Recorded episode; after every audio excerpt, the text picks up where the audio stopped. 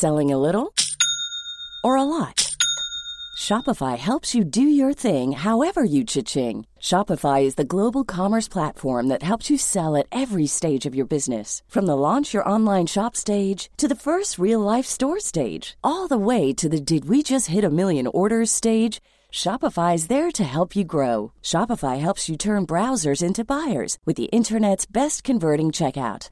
36% better on average compared to other leading commerce platforms because businesses that grow grow with Shopify. Get a $1 per month trial period at shopify.com/work. shopify.com/work. Hey, I'm Ryan Reynolds. At Mint Mobile, we like to do the opposite of what Big Wireless does. They charge you a lot, we charge you a little. So naturally, when they announced they'd be raising their prices due to inflation, we decided to deflate our prices due to not hating you. That's right. We're cutting the price of Mint Unlimited from $30 a month to just $15 a month. Give it a try at mintmobile.com slash switch. $45 upfront for three months plus taxes and fees. Promo rate for new customers for limited time. Unlimited more than 40 gigabytes per month. Slows. Full terms at mintmobile.com. Wow. Nice. Yeah. What you're hearing are the sounds of people everywhere putting on Bombas socks, underwear, and t-shirts made from absurdly soft materials that feel like plush clouds. Yeah, that plush.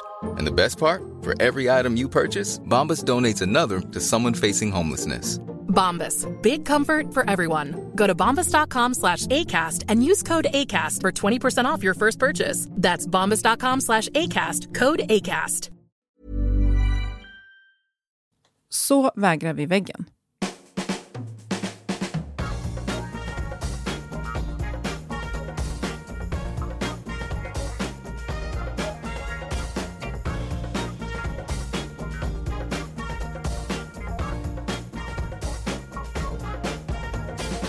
Det här är Health for Wealth, en podd om hälsa på jobbet.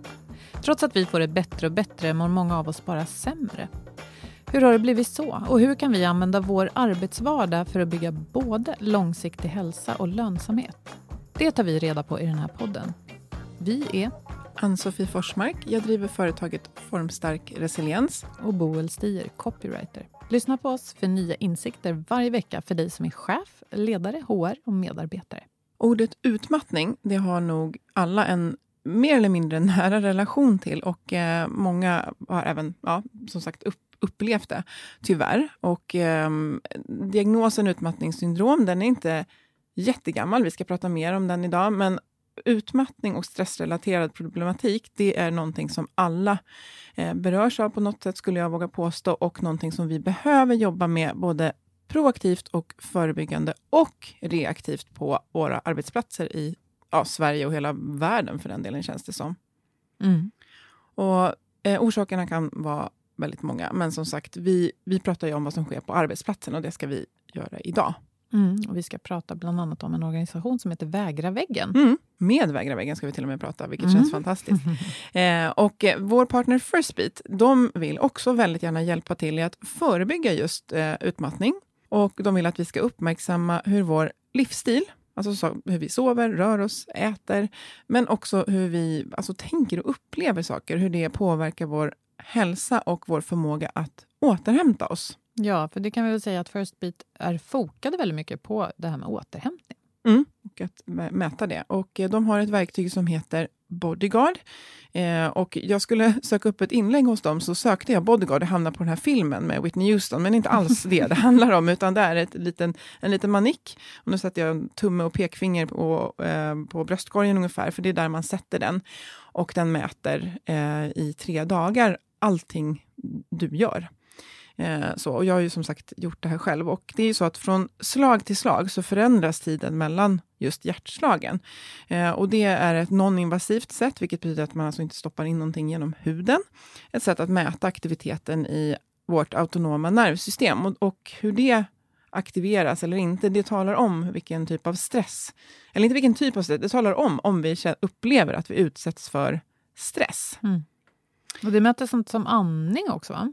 Ja, den fångar ju upp liksom hur vi rör oss och hur vi andas och, eh, och, och allt möjligt. Och just att det blir väldigt... Eh, Ja, det mäter inte andning, men, men det, på, det här påverkas av hur vi andas, hur vi tänker och så vidare. Ja, precis. För att bara genom att förändra din andning så kan du påverka aktiviteten i, i nervsystemet. Mm. Eh, men, men det det här fångar upp, då, det fångar ju upp, upp hur vi, om vi upplever stress, eh, hur andningen är. Det fångar också, eller det påverkas av andningen, eh, men det mäter vår fysiska aktivitet, alltså allting vi gör. Eh, systemet påverkas av alla saker vi gör under en dag, men också hur vi upplever dem. Och Det är alltså det som Bodyguarden mäter. Så att när man har gjort den här mätningen, så fyller man även i hur man har upp... Om jag till exempel skriver att mellan 10 och 11 så var jag ute och gick och jag kände mig lugn och harmonisk. Så kan man också se på de här graferna som man får ut på rapporten, om det liksom överensstämmer med hur kroppen har reagerat. Det har vi pratat om tidigare. Mm. Det blir väldigt svart på vitt vilken belastning jag utsätter min kropp för under dagen. För att mäter vi hjärtat, då blir det inte en subjektiv, utan det blir väldigt objektivt hur vi Mm. mäter. Det här kan helt enkelt hjälpa oss att lära oss saker om oss själva. Ja, precis. Och så har ju Firstbeat har gjort väldigt, väldigt många såna här mätningar. Så det finns väldigt mycket anonymiserad, eh, liksom aggregerad data på det här i deras system, så de kan se hur vi faktiskt har det. Och utifrån det här så kan man som individ få hjälp med att göra förändringar i sin vardag, så att man får mer återhämtning om man behöver det, eller mer fysisk aktivitet om man behöver det, eller till exempel mer sömn, som ju också är en, den viktigaste återhämtning. Du kan läsa mer på firstbeat.se. Vi länkar förstås i inlägget. Mm. Och nu ska vi säga välkommen till dig, Maria Ergull. Tack så mycket. Du är grundare av en organisation som väldigt tydligt talar om vad den verkar för, Vägra väggen. Stämmer bra det. Och du har en lång bakgrund inom HR i, i olika roller i flera stora industriföretag i Västerås. Men nu är du egen företagare och driver den här organisationen som du, Ann-Sofie, också är lite verksam i. Mm. Men Maria, varför startade du Vägra väggen? Eh, jo, nej, men det var av flera olika anledningar. Eh, jag har ju jobbat med HR som ni sa ganska länge. Jag tror jag är uppe i pff, 12 år. Eh, och de senaste åren har jag ju märkt hur fler och fler blir drabbade av utmattning. Och jag ska väl också vara ärlig och säga att innan jag själv hamnade där så var jag lite grann så att jag satt där på min HR-roll och kunde ibland vara lite så här, men hur trött kan man vara egentligen? Det är väldigt svårt att relatera till någonting som man själv inte upplever för att man är ju ser ju frisk ut i övrigt, så det är lite grann så. Men när jag själv drabbades här våren 2016 eh, Eh, så började jag, som många andra, googla om det här. Eh, och då fick jag väldigt blandad information. Dels var det, ja, men ärligt talat, amatörpsykologer på nätet som förklarade vad det var. Dels var det eh, vissa faktabaserade artiklar jag kom över eh, som egentligen sa emot det man kunde läsa någon annanstans. Det var liksom ingen enhetlig bild. Eh, och jag började egentligen med att skriva krönikor eh, på ämnet och eh, jag såg ganska snabbt att det var många som gillade det jag skrev. Sen startade jag ett Instagramkonto och började dela bilder där och skrev. Då blev det ännu fler som började följa mig. Och Det ena ledde till det andra och till slut tänkte jag att jag startar någon ideell organisation här som jobbar för att sprida kunskap om utmattning. Sen är jag, precis som många andra som går in i väggen, eh, en extremist så att jag kan inte börja halvdans och då började jag en hel organisation av det tänkte vi kan hjälpa folk ur rehabilitering, hjälpa dem innan de åker in i en rehabilitering och sen så det ena ledde till det andra och till slut så blev det Vägra väggen. Men huvudanledningen var att jag själv var drabbad eh, och kände att jag kunde göra något. Och sen så eh, rekryterade jag faktiskt Ann-Sofie från LinkedIn måste jag säga. Jag kände Ja. inte henne innan. Mm. Eh, så att så är det, om jag ska sammanfatta det kort. Mm. Mm. Hur, jag är lite nyfiken på flera saker här. Ja. Dels vad, vad det är folk säger och skriver på dina konton eftersom det, det låter som att det kommer floder av eh, tankar. Mm. Och, vad, vad, är, finns det ett gap här? Och vad består det gapet i? Jag tror att det finns, ja, nej, men det, det är väldigt många som interagerar med det jag skriver. Inte bara att man trycker på like och sen så går man vidare med livet. Utan man, man skriver, man skriver till varandra. Eh, jag tror att det finns en känsla av att många känner sig ensamma. Att man är ensam i sina känslor. Eh, många känner skam, att de liksom inte har orkat för att man tror att alla andra orkar. Men man vet ju egentligen inte hur alla andra mår. Eh, man jämför liksom sitt liv bakom sociala medier med folks liv på sociala medier som är retuscherat och tillrättalagt, eh, vilket skapar en stress. Eh, många berättar hur de känner igen sig i det jag skriver, hur de känner igen sig i det folk kommenterar. Eh, ibland så får de också ihop sina symptom, det här med att jag brukar säga att man även om man gör någonting kul så tar det energi. Att man då kan nästan känna sig upplevelsebakfull. Mm. Eh, Bra ord. Ja, men mm. lite så. Mm. Det är någonting som väldigt många känner igen sig, har känt igen sig i. Att liksom, ja, är det det som gör att jag blir trött fast jag gick ut och åt middag och tycker det är jättekul? Mm. Eh, mycket sånt och väldigt mycket inom träning. Det här med att många får rådet av läkare. Äh, träna, jag är lite trött. Äh, träna. Och när man tränar, om man tränar intensivt, vilket många gör, eh, så kan det ge motsatt effekt. Så det är väl de här grejerna som jag tror att väldigt många kommenterar kring. Och också det här med eh, ska jag berätta att jag har varit utmattad när jag går på en anställningsintervju? Jag tror jag fick mm. över alltså 20 000 interaktioner på det inlägget. Oj, vilken svår fråga. Ja. Mm. Vad säger du då när du får den frågan? Uh, ja, jag, jag säger som HR-person, går man på en anställningsintervju och sitter mitt emot en arbetsgivare som ska dumma dig för att du har varit utmattad, då kanske det inte, ska vara, då kanske inte är en arbetsgivare man ska jobba för. Uh, för då betyder det att stress där är någonting uh, som man kanske inte jobbar med, som man kanske inte riktigt förstår. Uh, för det finns faktiskt ingen arbetsplats som är immun mot stress. Men det här är ju jätteintressant. Kan mm. vi inte stanna där ett tag? Ja. Därför att jag tänker att om jag, om jag har haft, varit utmattad mm. och lärt mig saker om mig själv, mm. eh, vilket jag hoppas att, att det är så man kan komma tillbaka och sen ska på en intervju, jag vill gärna ha jobbet. Ska jag verkligen liksom hålla upp den här flaggan? Och det kanske sitter ett pucko där, eller på att säga. Mm. Nej, men den personen jag möter där är ju ett filter. Men det är inte den jag ska jobba med kanske. Eh, förstår du vad jag menar? Ja, jag förstår. Eh, är, ja, det här är jättestort. Man skulle önska att alla kan vara ärliga jämt, men det är ju inte alltid så smart. Mm. Alltså. Nej, men sen beror det också på lite grann i vilket sammanhang frågan kommer upp om hur, hur man har Eh, om man får en direkt fråga, då är det nästan, man får inte ställa en sån fråga egentligen. Men det beror på hur samtalet tar sig runt. Och så kan man ju, istället för att säga jag har varit utmattad och tycker det är så jobbigt och jag kan inte jobba så länge, utan mer att ja, men, jag är en engagerad person eh, och jag eh, brinner, det är också fel ordval, men jag eh, går in i det jag gör. Mm. Eh, så tidigare har jag varit utmattad, vilket har lärt mig att idag jobba bättre med prioriteringar och sen liksom vända det till en styrka istället, mm. till någonting bra.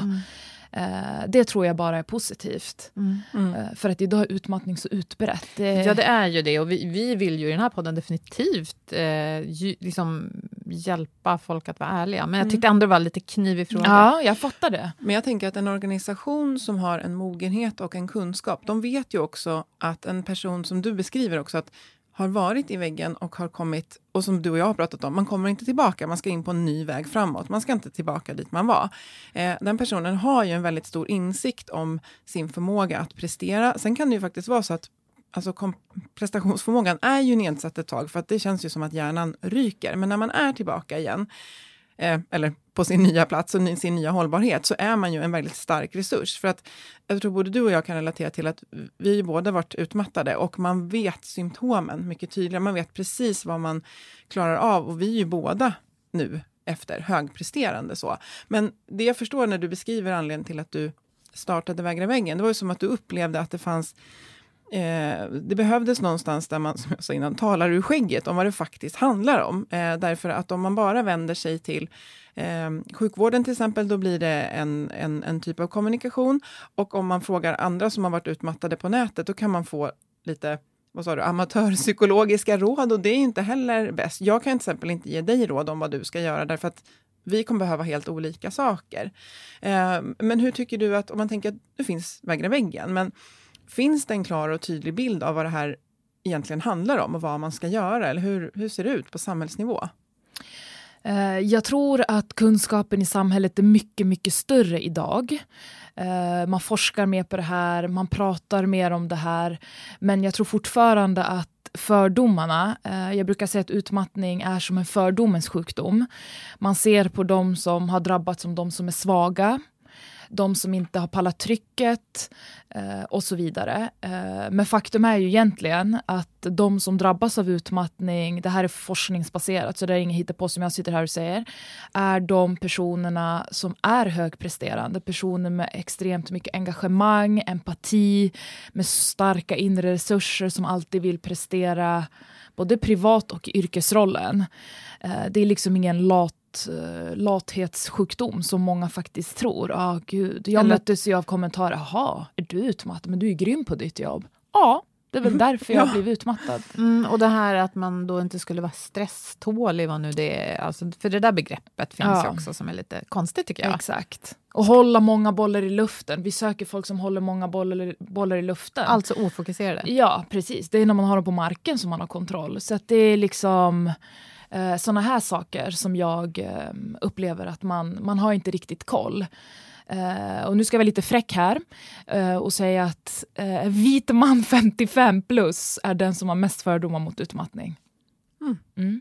Intressant. För att många som skriver till mig, jag ser ju vilka som både handlar såna här, vi har sålt både mussor, armband, folk som mejlar mig. Jag får väldigt mycket frågor, är det några killar som skriver överhuvudtaget? Ja, ah, jag skulle säga att det är 30-70. Även på de som köper armband, jag ser ju liksom att det är killar. Eh, men li lite yngre killar, f- f- 40 och yngre. Men, men vad är grejen då? 55, vit man och så vidare. Har han aldrig eh, varit utsatt för det här själv? Eller varit med om det själv? Nej, jag har fått kommentarer när jag har träffat företag, när jag har träffat folk i olika så här, paneldebatter och så vidare, att det är en tjejsjukdom. Det är någonting den yngre generationen har hittat på. Och den kommentaren jag alltid av eh, eh, vit man 55. Jag ska inte säga att de är äldre, för man kanske inte är äldre när man är 55. Ja, man är 55. Ja. Men, men eh, hur ser det ut på riktigt om vi börjar med det? Mm. Alltså utmattning, drabb, drabbar det? Alltså, vem, vem händer det då? Du beskrev ju hur man är då, högpresterande, driven och så. Mm. Men om vi då tänker på så här, ja, men kön kunde vara en faktor. Mm. Eh, olika så här, positioner kanske, alltså om du har en chefsposition eller inte, tidigt i karriären, sent. Vad, vad kan vi se? Eh, Det är faktiskt flest kvinnor som drabbas i åldrarna 35-45. Där är de flesta som drabbas. Eh, Och det är för att man, eh, vad jag tror och har fått förstått, att det är fortfarande så att kvinnan har störst ansvar hemma. Eh, Och på jobbet så behöver man eh, ja, men, jobba nästan lite hårdare för att ta sig fram, beroende på vilken bransch man är. Eh, och sen är det just det här att den här em- empatin, eh, det är ju en jättefaktor om man är liksom highly sensitive person, hö högkänslig och så vidare. Det här är ofta saker som kvinnor har. Eh, sen tror jag, om jag ska vara helt ärlig, att mörkertalet hos män, det här är ju statistik som vi kan följa, vi kan ju inte följa mörkertalet. Eh, Jag tror inte stress är kopplat till något kön, om jag ska prata vad jag själv tror, om jag bortser från statistiken. Däremot tror jag att män har ännu svårare att eh, kliva fram och berätta att de, har stress, att de är stressade, att de har ångest eller depression. Och det är en orättvisa i sig. Ja, Mm. precis. Stigmat liksom det är nästan ja. ännu Mm. större hos männen. Eh, så att jag tror statistiken är missvisande. Men om man ska gå konkret på hur det ser ut idag så är det kvinnor som drabbas mest. Och eh, en väldigt, väldigt stor population av unga, någonstans mellan 14 och 18, är också en jättestor grupp som drabbas. Det är ju folk på högstadiet som är sjukskrivna för utmattning. Här är ju ett så stort misslyckande av Mm. oss Ja. som är vuxna idag. Och vad är, det, vad är det man utmattas av då? För att jag kan eh, få upp en tydlig bild av den här 35 till 45-åriga kvinnan som, utan att generalisera, men ofta har som sagt eh, barn och ett jobb och vill göra bra ifrån sig på båda fronter. Men man har inte barn oftast när man är i den yngre, alltså runt, runt 20 14, då där. är man ju barn. Ja, ja precis. Vad är, det, eh, vad är det man blir utmattad av? Mm.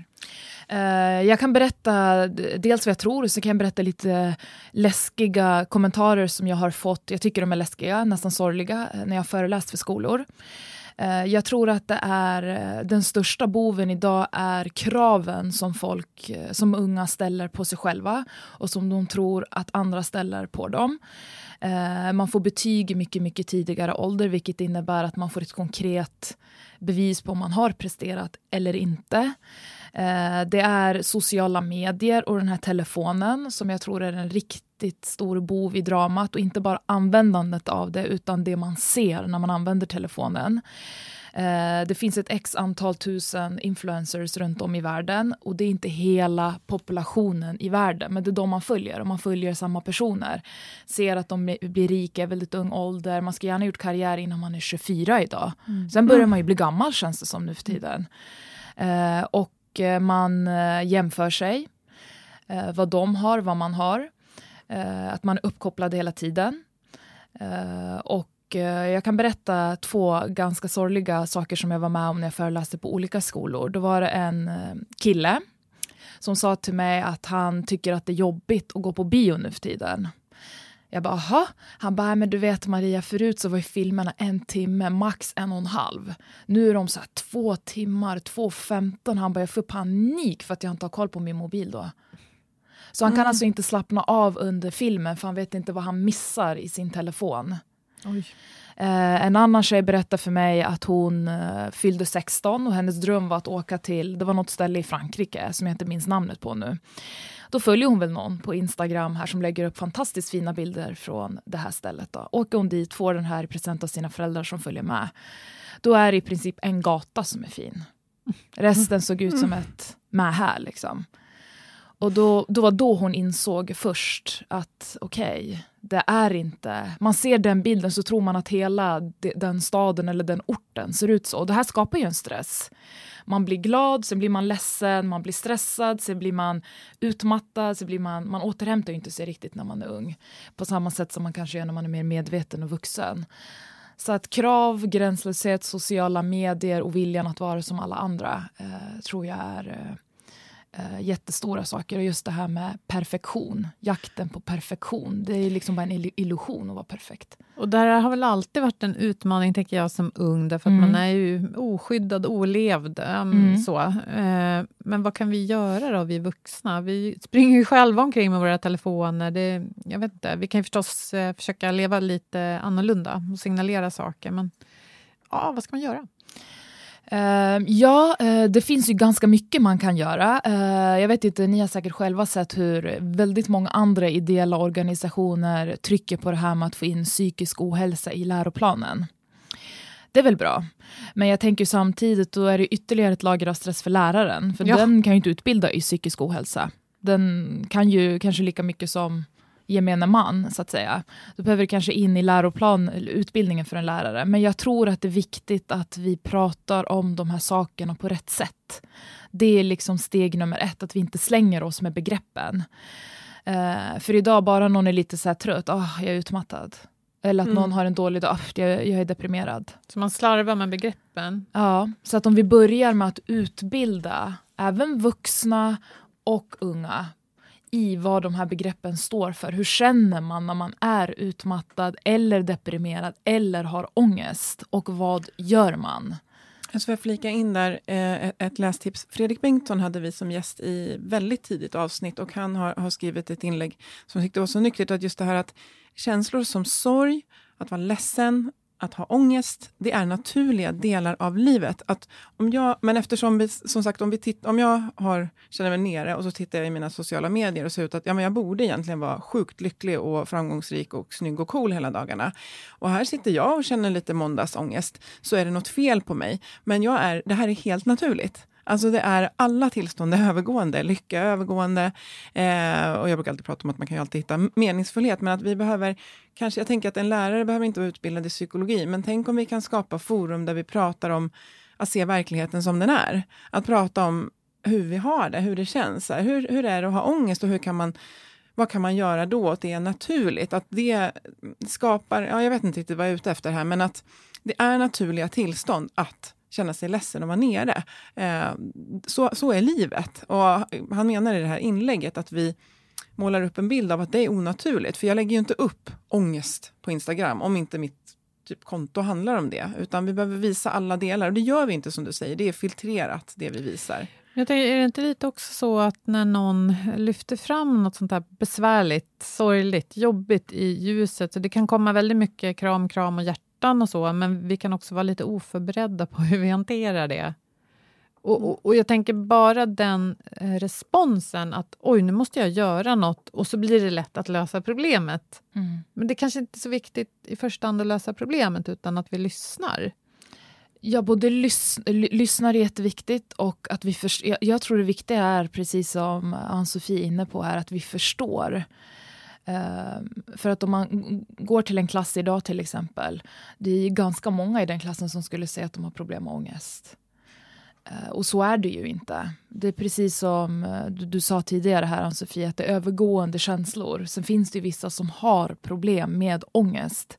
Och det är de vi på något sätt behöver komma åt så att vi, eh, att vi börjar prata om det på rätt sätt, att vi använder begreppen på rätt sätt. Jag tror att det behöver inte bli så stort allting man gör. Man kan göra det ganska enkelt, att man helt enkelt pratar om det. Eh, och rör på oss lite mer tror jag också stillar mycket det här med oro och, och psykisk ohälsa i skolan. Man kan ha lektioner li på lite mer kreativt sätt tror jag. Eh, så att, eh, ja, alla vill göra så stora saker. Ja, men nu måste vi ta fram en app och nu måste vi in med det på lä i läroplanen och nu måste vi...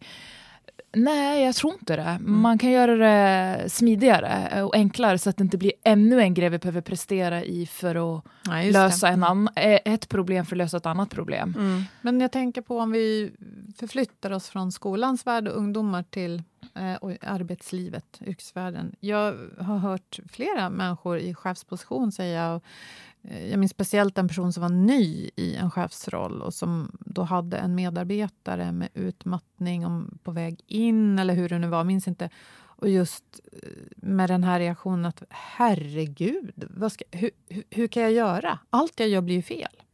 Vad skulle du ge för råd?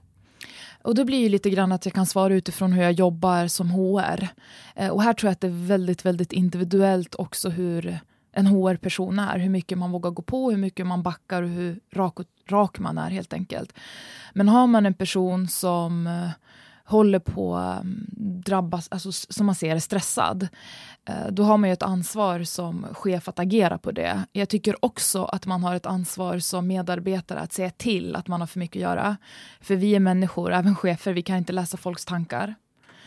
Eh, och jag tycker att man i det läget ska, det beror på, man ska ha en påkopplad företagshälsovård redan om man har två anställda. Att man ska ta ett samtal där för att reda ut vad, vad, är det vi har att spela med. Har vi en situation som är kopplad till jobbet? Har vi en situation som är kopplad privat? För man kan, behöver hantera dem på olika sätt, men man behöver hantera båda. Eh, kan vi tillfälligt eh, styra om i den här personens eh, arbetssituation så att säga. För man får ju inte heller anpassa arbetsuppgifter för en person så att det påverkar övrigas arbetsmiljö. Men jag tycker att man kan göra det tillfälligt för att styra upp en situation. Om man börjar där, då kommer också medarbetaren i de situationerna jag har gjort det vara också okej. Okay. De har lyssnat, de inser, de förstår att man själv också är mer positiv till sitt jobb eh, och att man kanske ta tag i sin situation som man har. Ibland kan det vara frågan om att man inte har kompetens för jobbet man har. Ibland kan det vara så att man har ett problem privat och kanske behöver vara ledig ett tag för att ta tag i det, styra upp den situationen och sen komma tillbaka istället för att det bara tugga på, tugga på, tugga på. Sen så faller man in i en utmattning och arbetsgivaren står där. Nej, man har problem med sin fru. Mm. Det är inte vårt problem. Nej. Nej. Fast det blir det ju då. Förstås. Exakt. Mm. Så att det går eh, styra upp väldigt, väldigt smidigt. Men det kräver också att chefen vet hur och vad den ska göra. Och det här är någonstans jag tycker att HR har eh, en funktion. Mm. Eh, samtidigt så har inte cheferna heller det eh, lätt på så sätt att de ges ju inte ens förutsättningar för att vara en chef. Så fort du blir chef så förväntas du ha koll på alla processer. Mm. Mm. Och det kan ju ingen någonsin ha. Nej. Jag tänker också att beskrivit det här att det är inte den lata direkt som blir utmattad, utan det är Mm. den som ofta är ibland väldigt positiv till sitt jobb, verkligen brinner för sitt jobb. Vi pratar om honungsfällan, det är så otroligt roligt, jag blir bekräftad på mina prestationer. Mycket av de här delarna ligger i ofta i en kultur på en arbetsplats där vi ska ha högt engagemang och högt engagemang är fantastiskt, men det behöver ju vara hållbart. Eh, hur ser du på att, för nu beskrev du som ett case där man, där man fick gå in och agera på en person. ja men precis. Det kan ju vara som att det, det är som ett, eh, vad ska man säga, det är som ett smörgåsbord att ta för sig att överprestera på många arbetsplatser i och med hur vi, våra, våra tjänster ser ut och så. Hur ser du på den problematiken? Eller utmaningen snarare. Att man tar på sig för mycket, en viss typ ja. av personer. Ja. ja. Ja, men det tycker jag också är... Eh, för oftast när vi pratar om sådana här saker så pratar vi alltid om chefens ansvar. Mm. Eh, jag vill inte ta bort ditt ansvar, alltså individens eget ansvar. För vi, det är vuxna personer som jobbar, det är ingen som är ett barn. Alla är vuxna, vilket innebär att man har ansvar för sig själv. Eh, så att här tycker jag nästan att det är ett större ansvar hos medarbetaren att se och vara medveten om vad, vad klarar jag av och vad klarar jag inte av. Eh, för det kan ju också vara så att om man är väl, jag är en sån person, så jag kan bara prata för mig själv. Om jag vill göra massa saker och jag inte får, äh, nej, jag kan inte utvecklas på den här arbetsplatsen. Mm. Jag kommer inte koppla det till att ah, nej, de, de tar hand om mig för att de är oroliga att jag kan bli stressad här. Så man måste någonstans förstå sin egen start, sin egen broms, sin egen energi. Och det någonstans är ditt, ditt ansvar också som individ. Eh, allting är inte alltid bara arbetsgivarens eh, problematik. Eh, så att jag tänker att det är en kombination av att Eh, jobba med personer som vi behöver utveckla. Hur ser det ut? Vad ska de göra? Det här är liksom långsiktiga strategiska saker som man bör jobba med i, i ledningsgrupper, eller ledning eller chefsgrupper. Vad har vi för personer som vill vidare? Vad har vi för personer som inte presterar? Så att man får en jämn utveckling och avveckling i två processer man måste jobba med lika mycket. Uh, idag jobbar vi mest med utveckling men inte tillräckligt mycket. Avveckling jobbar vi inte med överhuvudtaget. Vad menar du när du säger avveckling? Ja, för det låter ju så uh, grovt att, att vi har personer som inte presterar. Uh, mm. Och det är inte, det är inte bara det avveckling handlar om.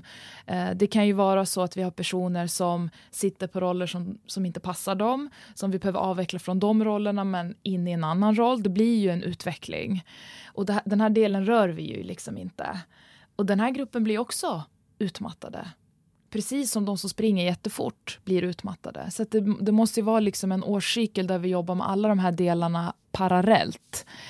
Eh, för att de går hand i hand. Eh, så att jag tror att om jag skulle svara på din fråga så tror jag att det största är ansvaret ligger hos, eh, eh hos individen att veta vad, vad, vad, vad klarar jag av och inte. Men där kan man ju behöva hjälp. Det kan vara ganska svårt att se klart på sig själv. Ja, jag tänker att det, ja. det jag hörde, jag tänker lite så tre delar. Att um, vi behöver bygga förutsättningar för individen att förstå och lära känna sin egen prestation. Jag har funderat mycket på det här för att jag har, utan att nämna namn, så är det många som liksom jag är egna och vi kan ha hur mycket som helst att göra. Vi kan tacka ja till en triljard grejer. Och jag känner inte att det är inte proffsigt av mig att göra det. För att jag behöver vårda min prestation så att jag kan prestera för mina kunder och potentiella kunder över tid. Så att jag kan känna att så här, herregud, vuxna människor som jobbar inom, alltså man ser omkring sig hur folk tar på sig för mycket och man hör om att det här som du säger, att även det som är roligt tröttar ut. Jag blir eh, upplevelsebakfull. Ja, att vi, förstår vi inte mer om det här? Är det, är det, alltså vi måste, vi måste liksom bli bättre på att förstå vår egen prestation. Och då tänker jag att ja, men som egen kan jag ju inte säga att min organisation inte stöttar det, utan det ligger på mig själv, så det är en större utmaning. Men i en organisation så behöver jag fundera på det, hur, det, hur vi strukturellt ser till att det inte bara går att springa, springa, springa. Eh, och sen skapa förutsättningar för individen att eh, som en typ av utbildning. Hur, hur, hur skapar jag förutsättningar för mig själv att vara hållbar utifrån vad jag själv gör? Och sen är det klart att individen måste kunna lyfta att ja, jag försöker, men ni är precis, vi är för få, eller jag har fått för mycket arbetsuppgifter på min roll. Men ja, det blir ju flera delar som behöver finnas på plats, mm. även om det till syvende och sist är individen som måste stänga ner datorn, säga nej, boka av, boka om, gå och lägga sig och sova, röra på sig. Ja, för jag tror lite grann om vi pratar om hur det ser ut nu, eh, idag, eh, i en ideell värld, eh, ja, en ideal värld menar jag, ideell värld, tänker så mycket på ideella saker. så är det ju så att chefens kall är din utveckling, att det är arbetsgivarens största ambition i livet att se till så att du mår bra. Det ser ju faktiskt inte ut så. Vi Nej. önskar att det, ska se, att det borde se ut så, men det är ju inte så. Så då, då hamnar man i en situation där man antingen sitter och ja, arbetsgivaren tog inte hand om mig, ja, de var inte bra mot mig. Eller att du själv tar ansvar för dig själv. Det, det, det är det lite grann som jag eh, vill lyfta och det är lite grann det som jag också försöker förmedla. Så skulle det se ut i en idealvärld, men det gör ju inte det. Men någonstans är det också så att, om vi kommer tillbaka till det jag sa innan, att arbetsgivaren lägger på, mer, som Ann-Sofie sa innan, arbetsgivaren lägger på mer och mer arbetsuppgifter, att man är underbemannad. Och så är det, man tajtar till organisationer och färre förväntas leverera mer. Eh, samtidigt som man, om man har en grupp på tio personer så kanske inte alla i den gruppen heller presterar. Vilket gör det enklare för chefen att lägga mer arbetsuppgifter på de som redan springer. Ja, Mm, men du gör ett sånt bra jobb. Mm. Det blir liksom tacksamt och de bara ja, nu kör jag. Och de som inte presterar, de hänger med. Och det är varken bra för dem eller för de som presterar. Det är därför jag pratade lite grann om den här cykeln, att man behöver jobba med båda de delarna hela tiden. Eh, men det krävs att, att arbetsgivaren också förstår vad varje arbetsuppgift innebär. Mm. Alltså inte arbetsuppgift, varje roll. Det har de inte heller koll på. Mm. Vad gör, jag brukar ofta få frågor ibland så från medarbetare, vad gör man på HR egentligen? Mm. Det känns som att du har det ganska soft. Mm. Mm. Ja, då är man ensam HR på 600 personer. Sen om man sätter sig ner tre, fyra minuter och bara förklarar, de bara gud, det är ett kamikaze-uppdrag. Ja, Nej gud, men så att det... Är inte det där en viktig nyckel också? Att eh, liksom, det ska finnas någon annan på mitt jobb som förstår vad jag gör och ser liksom, vad jag kämpar med och kan uppskatta det. Mm. När man, är, när man känner sig ensam med det, det är inget bra tycker jag. Nej. Jag tänker att det låter som något som chefen, ledaren, ska ha. Men Mm. jag tänkte när du, säger, när du sk- beskrev att de som presterar jättemycket och de som Mm. inte presterar, Mm. eh, det kan ju också vara att, där måste man ju titta på objektivt vad en normal prestation är. För om vi har ett gäng som överpresterar på ett ohållbart sätt, då framstår ju kanske jag som presterar normalt, som någon som underpresterar. Så det, det blir också utmanande också med tanke på de komplexa, ofta abstrakta roller vi har. Vad är en normalprestation som är att man lägger tid på rätt saker som gör att vi kommer hålla över tid, både liksom finansiellt som organisation men också som medarbetare. För det blir ju att det ser ut som att jag kanske då inte gör någonting om jag har det här gänget som rasslar på väldigt fort, men som sen pang. Då smäller det liksom. Ja. Mm. Ja, det, det är det. Eh, man behöver ju varje, alltså på varje arbetsplats behöver man ju veta vad är det jag vill få ut av den här rollen. Och vad är rimligt att ha som önskemål att få ur den här rollen. Då vet man ju, ligger folk över och ligger folk under?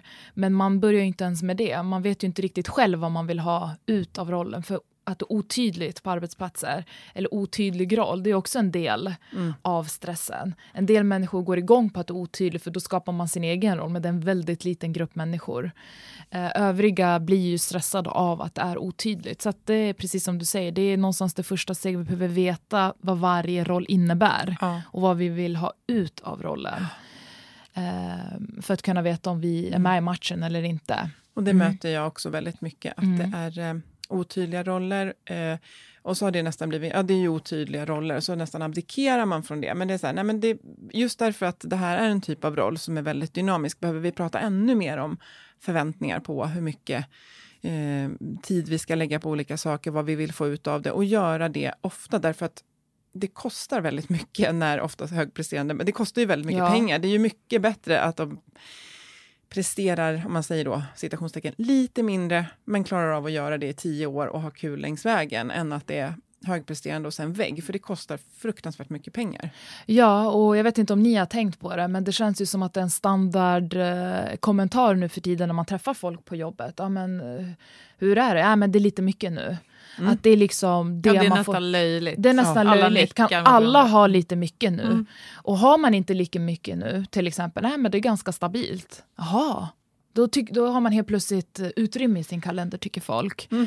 Precis på samma sätt som att vi har personer som är nöjda med sin position. Ja, men då vill man inte utvecklas, då är man lat. Mm, det har vi Så pratat om här också, med nöjd. Ja. Ja, så det är mycket sådana här saker Ah. som, gör, som hänger ihop med stressen. Att vi hela tiden... Det, det är lite fint ändå, då, trots att vi Att pratar ha en hel del om ohälsa så är det fortfarande lite fint, som du säger, att ha mycket. Mm. Och så vill man inte vara den som eh, sticker av. Då. Mm. Mm. Då, är jag, då kanske jag är oefterfrågad. Liksom. Ja, att jag inte gör till, jag, jag gör inte tillräckligt mycket på jobbet för jag har inte lite mycket nu. Nej, Så det måste att- vara något fel om jag har luft i kalendern. Ja. Jag brottas jättemycket med det, för jag börjar också se den här eh, vågen nu att det kommer ju alltid en motpol. Det har varit fint och har mycket att göra, men det börjar också, jag vet inte om ni hakar på det här, men jag pratade om det tidigare, att det börjar bli fint att säga att man har väldigt mycket tid och luft i kalendern. Och är det någonting som stressar, det är att låtsas som att man har mycket tid, men man känner sig ändå väldigt stressad och uppbokad. Mm. Men det ska se ut som att man har, nej men jag tar det väldigt lugnt och jag avsätter tid för det här och det andra, men man känner sig ändå stressad. Så det, ja, det, är, det, är så, det är så komplext det här, men jag tänkte att eh, du träffar många organisationer och du eh, träffar väldigt mycket människor. Har du sett något där man har gjort någonting riktigt bra, där du säger så här, det här ger mig hopp Eh, och det här, det här är någonting som vi kan dela med oss av, där man faktiskt jobbar med det här på ett väldigt bra sätt. Ja, eh, jag ska inte göra er ledsna nu, eller så, här, så, men jag kan inte säga att jag varit på så många arbetsplatser där jag tycker att man jobbar bra med de här frågorna. Man har fina powerpoints, ah. men jag vet inte hur mycket man jobbar med det som står i powerpointsen. Uh, så är det faktiskt. om jag ska vara... Så du har inget exempel som du skulle kunna jo, lyfta upp? Jo, jag har exempel. Uh, men jag har ju varit på väldigt mycket arbetsplatser nu när jag är konsult. Mm. Uh, jag byter ju nästan var tredje eller var fjärde månad. men jag har varit på vissa arbetsplatser, jag kanske inte ska nämna vilka det är. Om du vill. Om, du vill, om, du om, det, om det är okej okay ja. upp till dig. Ja, ja nej, men Mimer i Västerås, Bostads AB Mimer i Västerås. De jobbar väldigt mycket med att få igång den här, det här med motion. Uh, att om man motionerar uh, så får man extra semesterdagar. Mm, och det här är vi, det här är ett helt ämne i sig. Men, mm. men jag, vet, jag, kan inte säga emot deras exempel, därför jag vet att det har fått men Maria, positiv effekt. det? Nej men eh, låt mig berätta klart. De vill att medarbetarna ska eh, alltså mot, gå till jobbet, promenera på lunchen. Eh, och det, det är ju liksom ingenting som, hos dem i alla fall, har skapat en hets eh, på det sättet. De har, gör också hälsoprofiler på sina anställda. Eh, och de har ju faktiskt, ja, hur många är de? är 140 anställda. De hade typ en, en eller två som var i en utmattning. Mm, jag vet att de har väldigt fina siffror. Så ja. just det exemplet, vi har mer så filosofiska tankar som vi kan. Men jag vet att ja, det, det skapar ja. en viss hets kanske. Ah, motionera mer så får du mer semester. Allting skapar ju en hets om man gör det hetsigt. Mm. Eh, sen har jag varit på eh, ett, ett annat ställe där de har, där chefen egentligen, man, ut, man gör tid till chefen. Han har mindre grupper, cheferna. De har mindre grupper, vilket gör att de har mer tid mm. med sina anställda och ska träffa dem en gång i månaden i så ett till ett samtal för att lite grann fånga upp tidiga signaler. Och den här eh, övningen är väldigt intressant om man hade haft metoder för vad man gör när man har fångat upp något. Mm. Men då blir det ju lite lättare kanske för en HR att lägga på det. Det här mm. gör vi.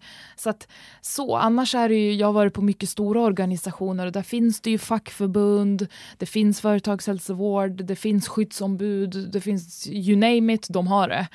Men där blir det också folk kan ju sväva med så länge utan att man märker. På en mindre arbetsplats så märker man om någon mår dåligt eller mm. någon ser lite deppig ut eller nedstämd.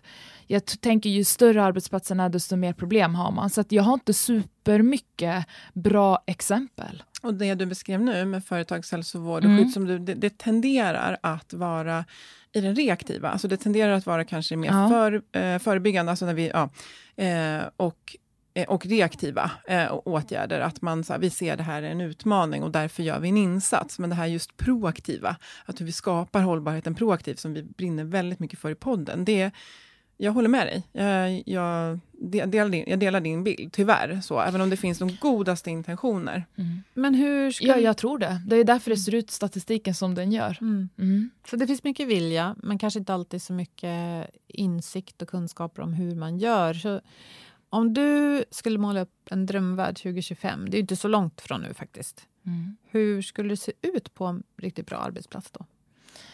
Ja, eh, bra fråga måste jag säga. Eh, jag tänker, eh, det blir verkligen en drömvärld, men jag tänker lång, framåt eh, så tror jag att en bra arbetsplats är ett, att man har hälsa på agendan. Eh, och då menar jag inte att någon chef någonstans i något led brinner för hälsa, utan på ledningens agenda. Att även ledningen på något sätt mäter sina chefer på de här sakerna. Eh, att man eh, eh, hur ska man säga, ger chefen förutsättning att vara en bra ledare. Uh, inte bara liksom matar på att de är 100% operativa, 100% chefer, 100% uh, uh, whatever, de är med på allt. Eh, sen tror jag också att man eh, ska jobba lite grann med att veta vad behöver jag för resurser? Och vad ska de här resurserna göra? Du menar att individen ska få möjlighet att... Ja, har man en bra ledare så, kan, så, kommer ju de på något sätt veta vart man ska. Vart ska mm. vi? Då kommer man veta vad behöver man för resurser för att kunna ta sig dit. Koppla liksom visionen man har, företagsmålen ner, bryta ner dem på individerna. Så att alla förstår vad det jag bidrar med. Det skapar engagemang. Uh, att man jobbar, uh, jag är väldigt chefsledarfokuserad i, i vad jag tror, för att jag tror där, det är där det sitter. Uh, om man tänker på ledare generellt så mäts de ofta på ekonomiska mål. Det är liksom bud, saker som rapporteras uppåt. Men att de mjuka delarna som är lite svårare att mäta ska in på något sätt i en bedömning av ledarnas prestation. Vilket innebär att de då kommer ägna tid åt att fokusera på det. Mm. Eh, att HR eh, på något sätt kommer med i affären på ett bättre sätt så att man förstår vad gör vi på den här arbetsplatsen. Och sen vill jag skicka en känga till facket att jag tycker att om man är en facklig representant så ska man i Sverige kunna eh, kliva fram lite grann och ställa krav på arbetsgivaren. Att det blir som ett bättre, ehm, eh, hur ska man säga, att man inte är rädd för arbetsgivaren, att ah, gud, nu är jag lite besvärlig här som facklig, vad kan hända då? Mm. Att man någonstans kliver fram och säger ifrån, för du kommer från det hållet. De får ju oftast mer info av medarbetarna än vad kanske arbetsgivaren får, för det mm. blir som en, um, po, eller en kanal som man kan liksom, ge utlopp för vad man känner. Att man strukturerar upp sig så. Och sen så är det många som har flexibla arbetsplatser, att det ska vara eh, okej okay om man har det behovet, att det mer ska vara anpassat. Att vissa behöver flexibilitet, andra behöver ha mer stöd, att det liksom är okej. Okay. Så flexibla arbetsplatser, eh, möjlighet till utveckling, eh, men framför allt det viktigaste att man sätter hälsa på agendan. Mm. Uh, att om någon, ja, men, uh, man brukar prata mycket om det här, men nu det är intensivt nu. Sen kommer en lågperiod, men den här lågperioden kommer aldrig. Nej. nej. nej. Så att uh, hälsa på agendan, ge chefer utrymme att vara bra ledare och jobba med tydlighet, struktur och engagemang tror jag. Um, jag är lite anti de här activity-based workplace om jag ska vara helt ärlig. Men jag tror på flexibla kontor. Mobila arbetsplatser. Sen tror jag den här gigmarknaden kommer växa mycket mer. Jag vet inte hur den är i förhållande till stress. Jag tror att den kan vara både och beroende på personer. Men det är de fyra sakerna som jag mm. skulle säga är en ideal arbetsplats. Nu kanske jag har beskrivit min ideal arbetsplats, men det var ju det ni frågade. Mm, nej, jag, jag tycker du har beskrivit något som också, om man säger så här, hur ska vi ha en, en, hur ska vi ha en riktigt lönsam organisation mm. 2025? Mm. Så de faktorerna som du mm. beskrev nu, med mm. de fokusområdena, eh, de är ganska lika. Och det är ju hela, alltså, tänker vår poddsnamn. Mm. Det, ja, det du beskriver nu, det ger ju förutsättningar för hållbara prestationer och det är också det som skapar lönsamhet, för i slutändan så behöver det också vara. Så det, det lät inte, eh, det lät inte alls tokigt. Det är inte orimligt. Eller liksom, nej, inte, nej, det nej, borde inte vara borde orimligt, inte. men det är ju där vi, vi, vi kämpar nu. Men låt oss hålla den uh, målbilden ja. uh, högt ja. och ha något att sträva efter. Ja.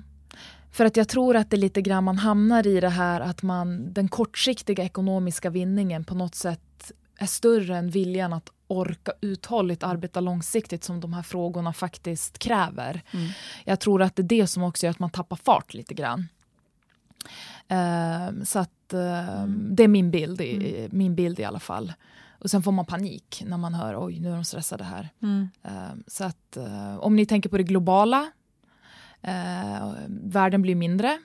Eh, idag är nästan alla företag globala.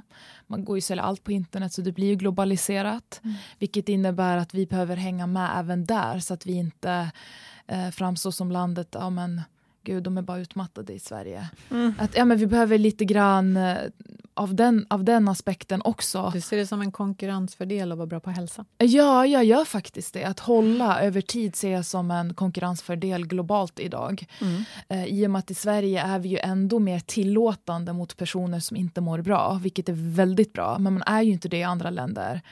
Eh, dessutom kostar det mindre att ha personal i många andra länder. Eh, så det ser jag också som en, en, en fråga om man tänker Sveriges arbetsmarknad framöver, att hälsa är viktigt.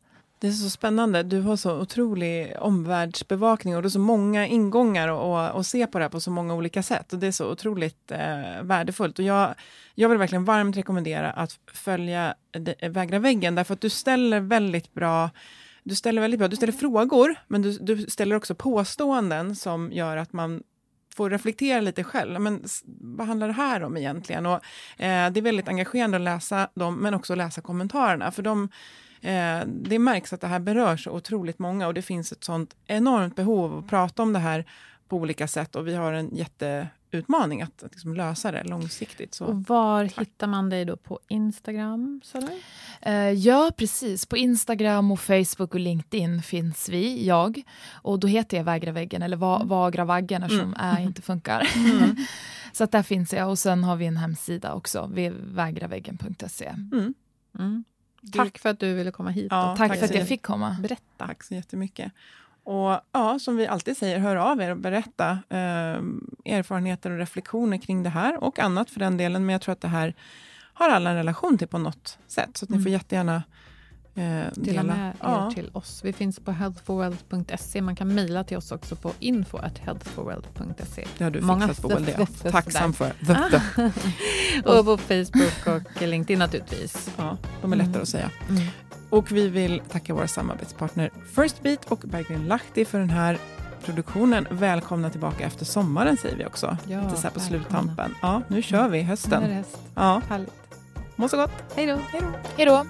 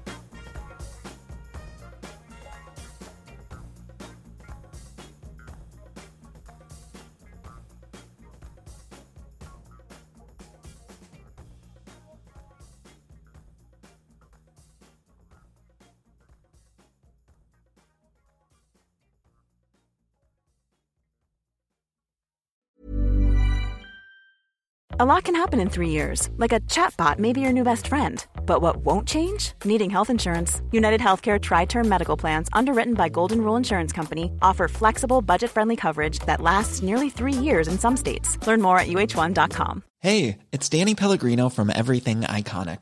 Ready to upgrade your style game without blowing your budget? Check out Quince. They've got all the good stuff shirts and polos, activewear, and fine leather goods, all at 50 to 80% less than other high end brands. And the best part? They're all about safe, ethical, and responsible manufacturing. Get that luxury vibe without the luxury price tag. Hit up quince.com slash upgrade for free shipping and 365 day returns on your next order. That's quince.com slash upgrade.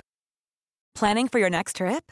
Elevate your travel style with Quince. Quince has all the jet setting essentials you'll want for your next getaway, like European linen, premium luggage options, buttery soft Italian leather bags, and so much more. And is all priced at 50 to 80% less than similar brands. Plus, Quince only works with factories that use safe and ethical manufacturing practices. Pack your bags with high-quality essentials you'll be wearing for vacations to come with Quince. Go to quince.com slash pack for free shipping and 365-day returns.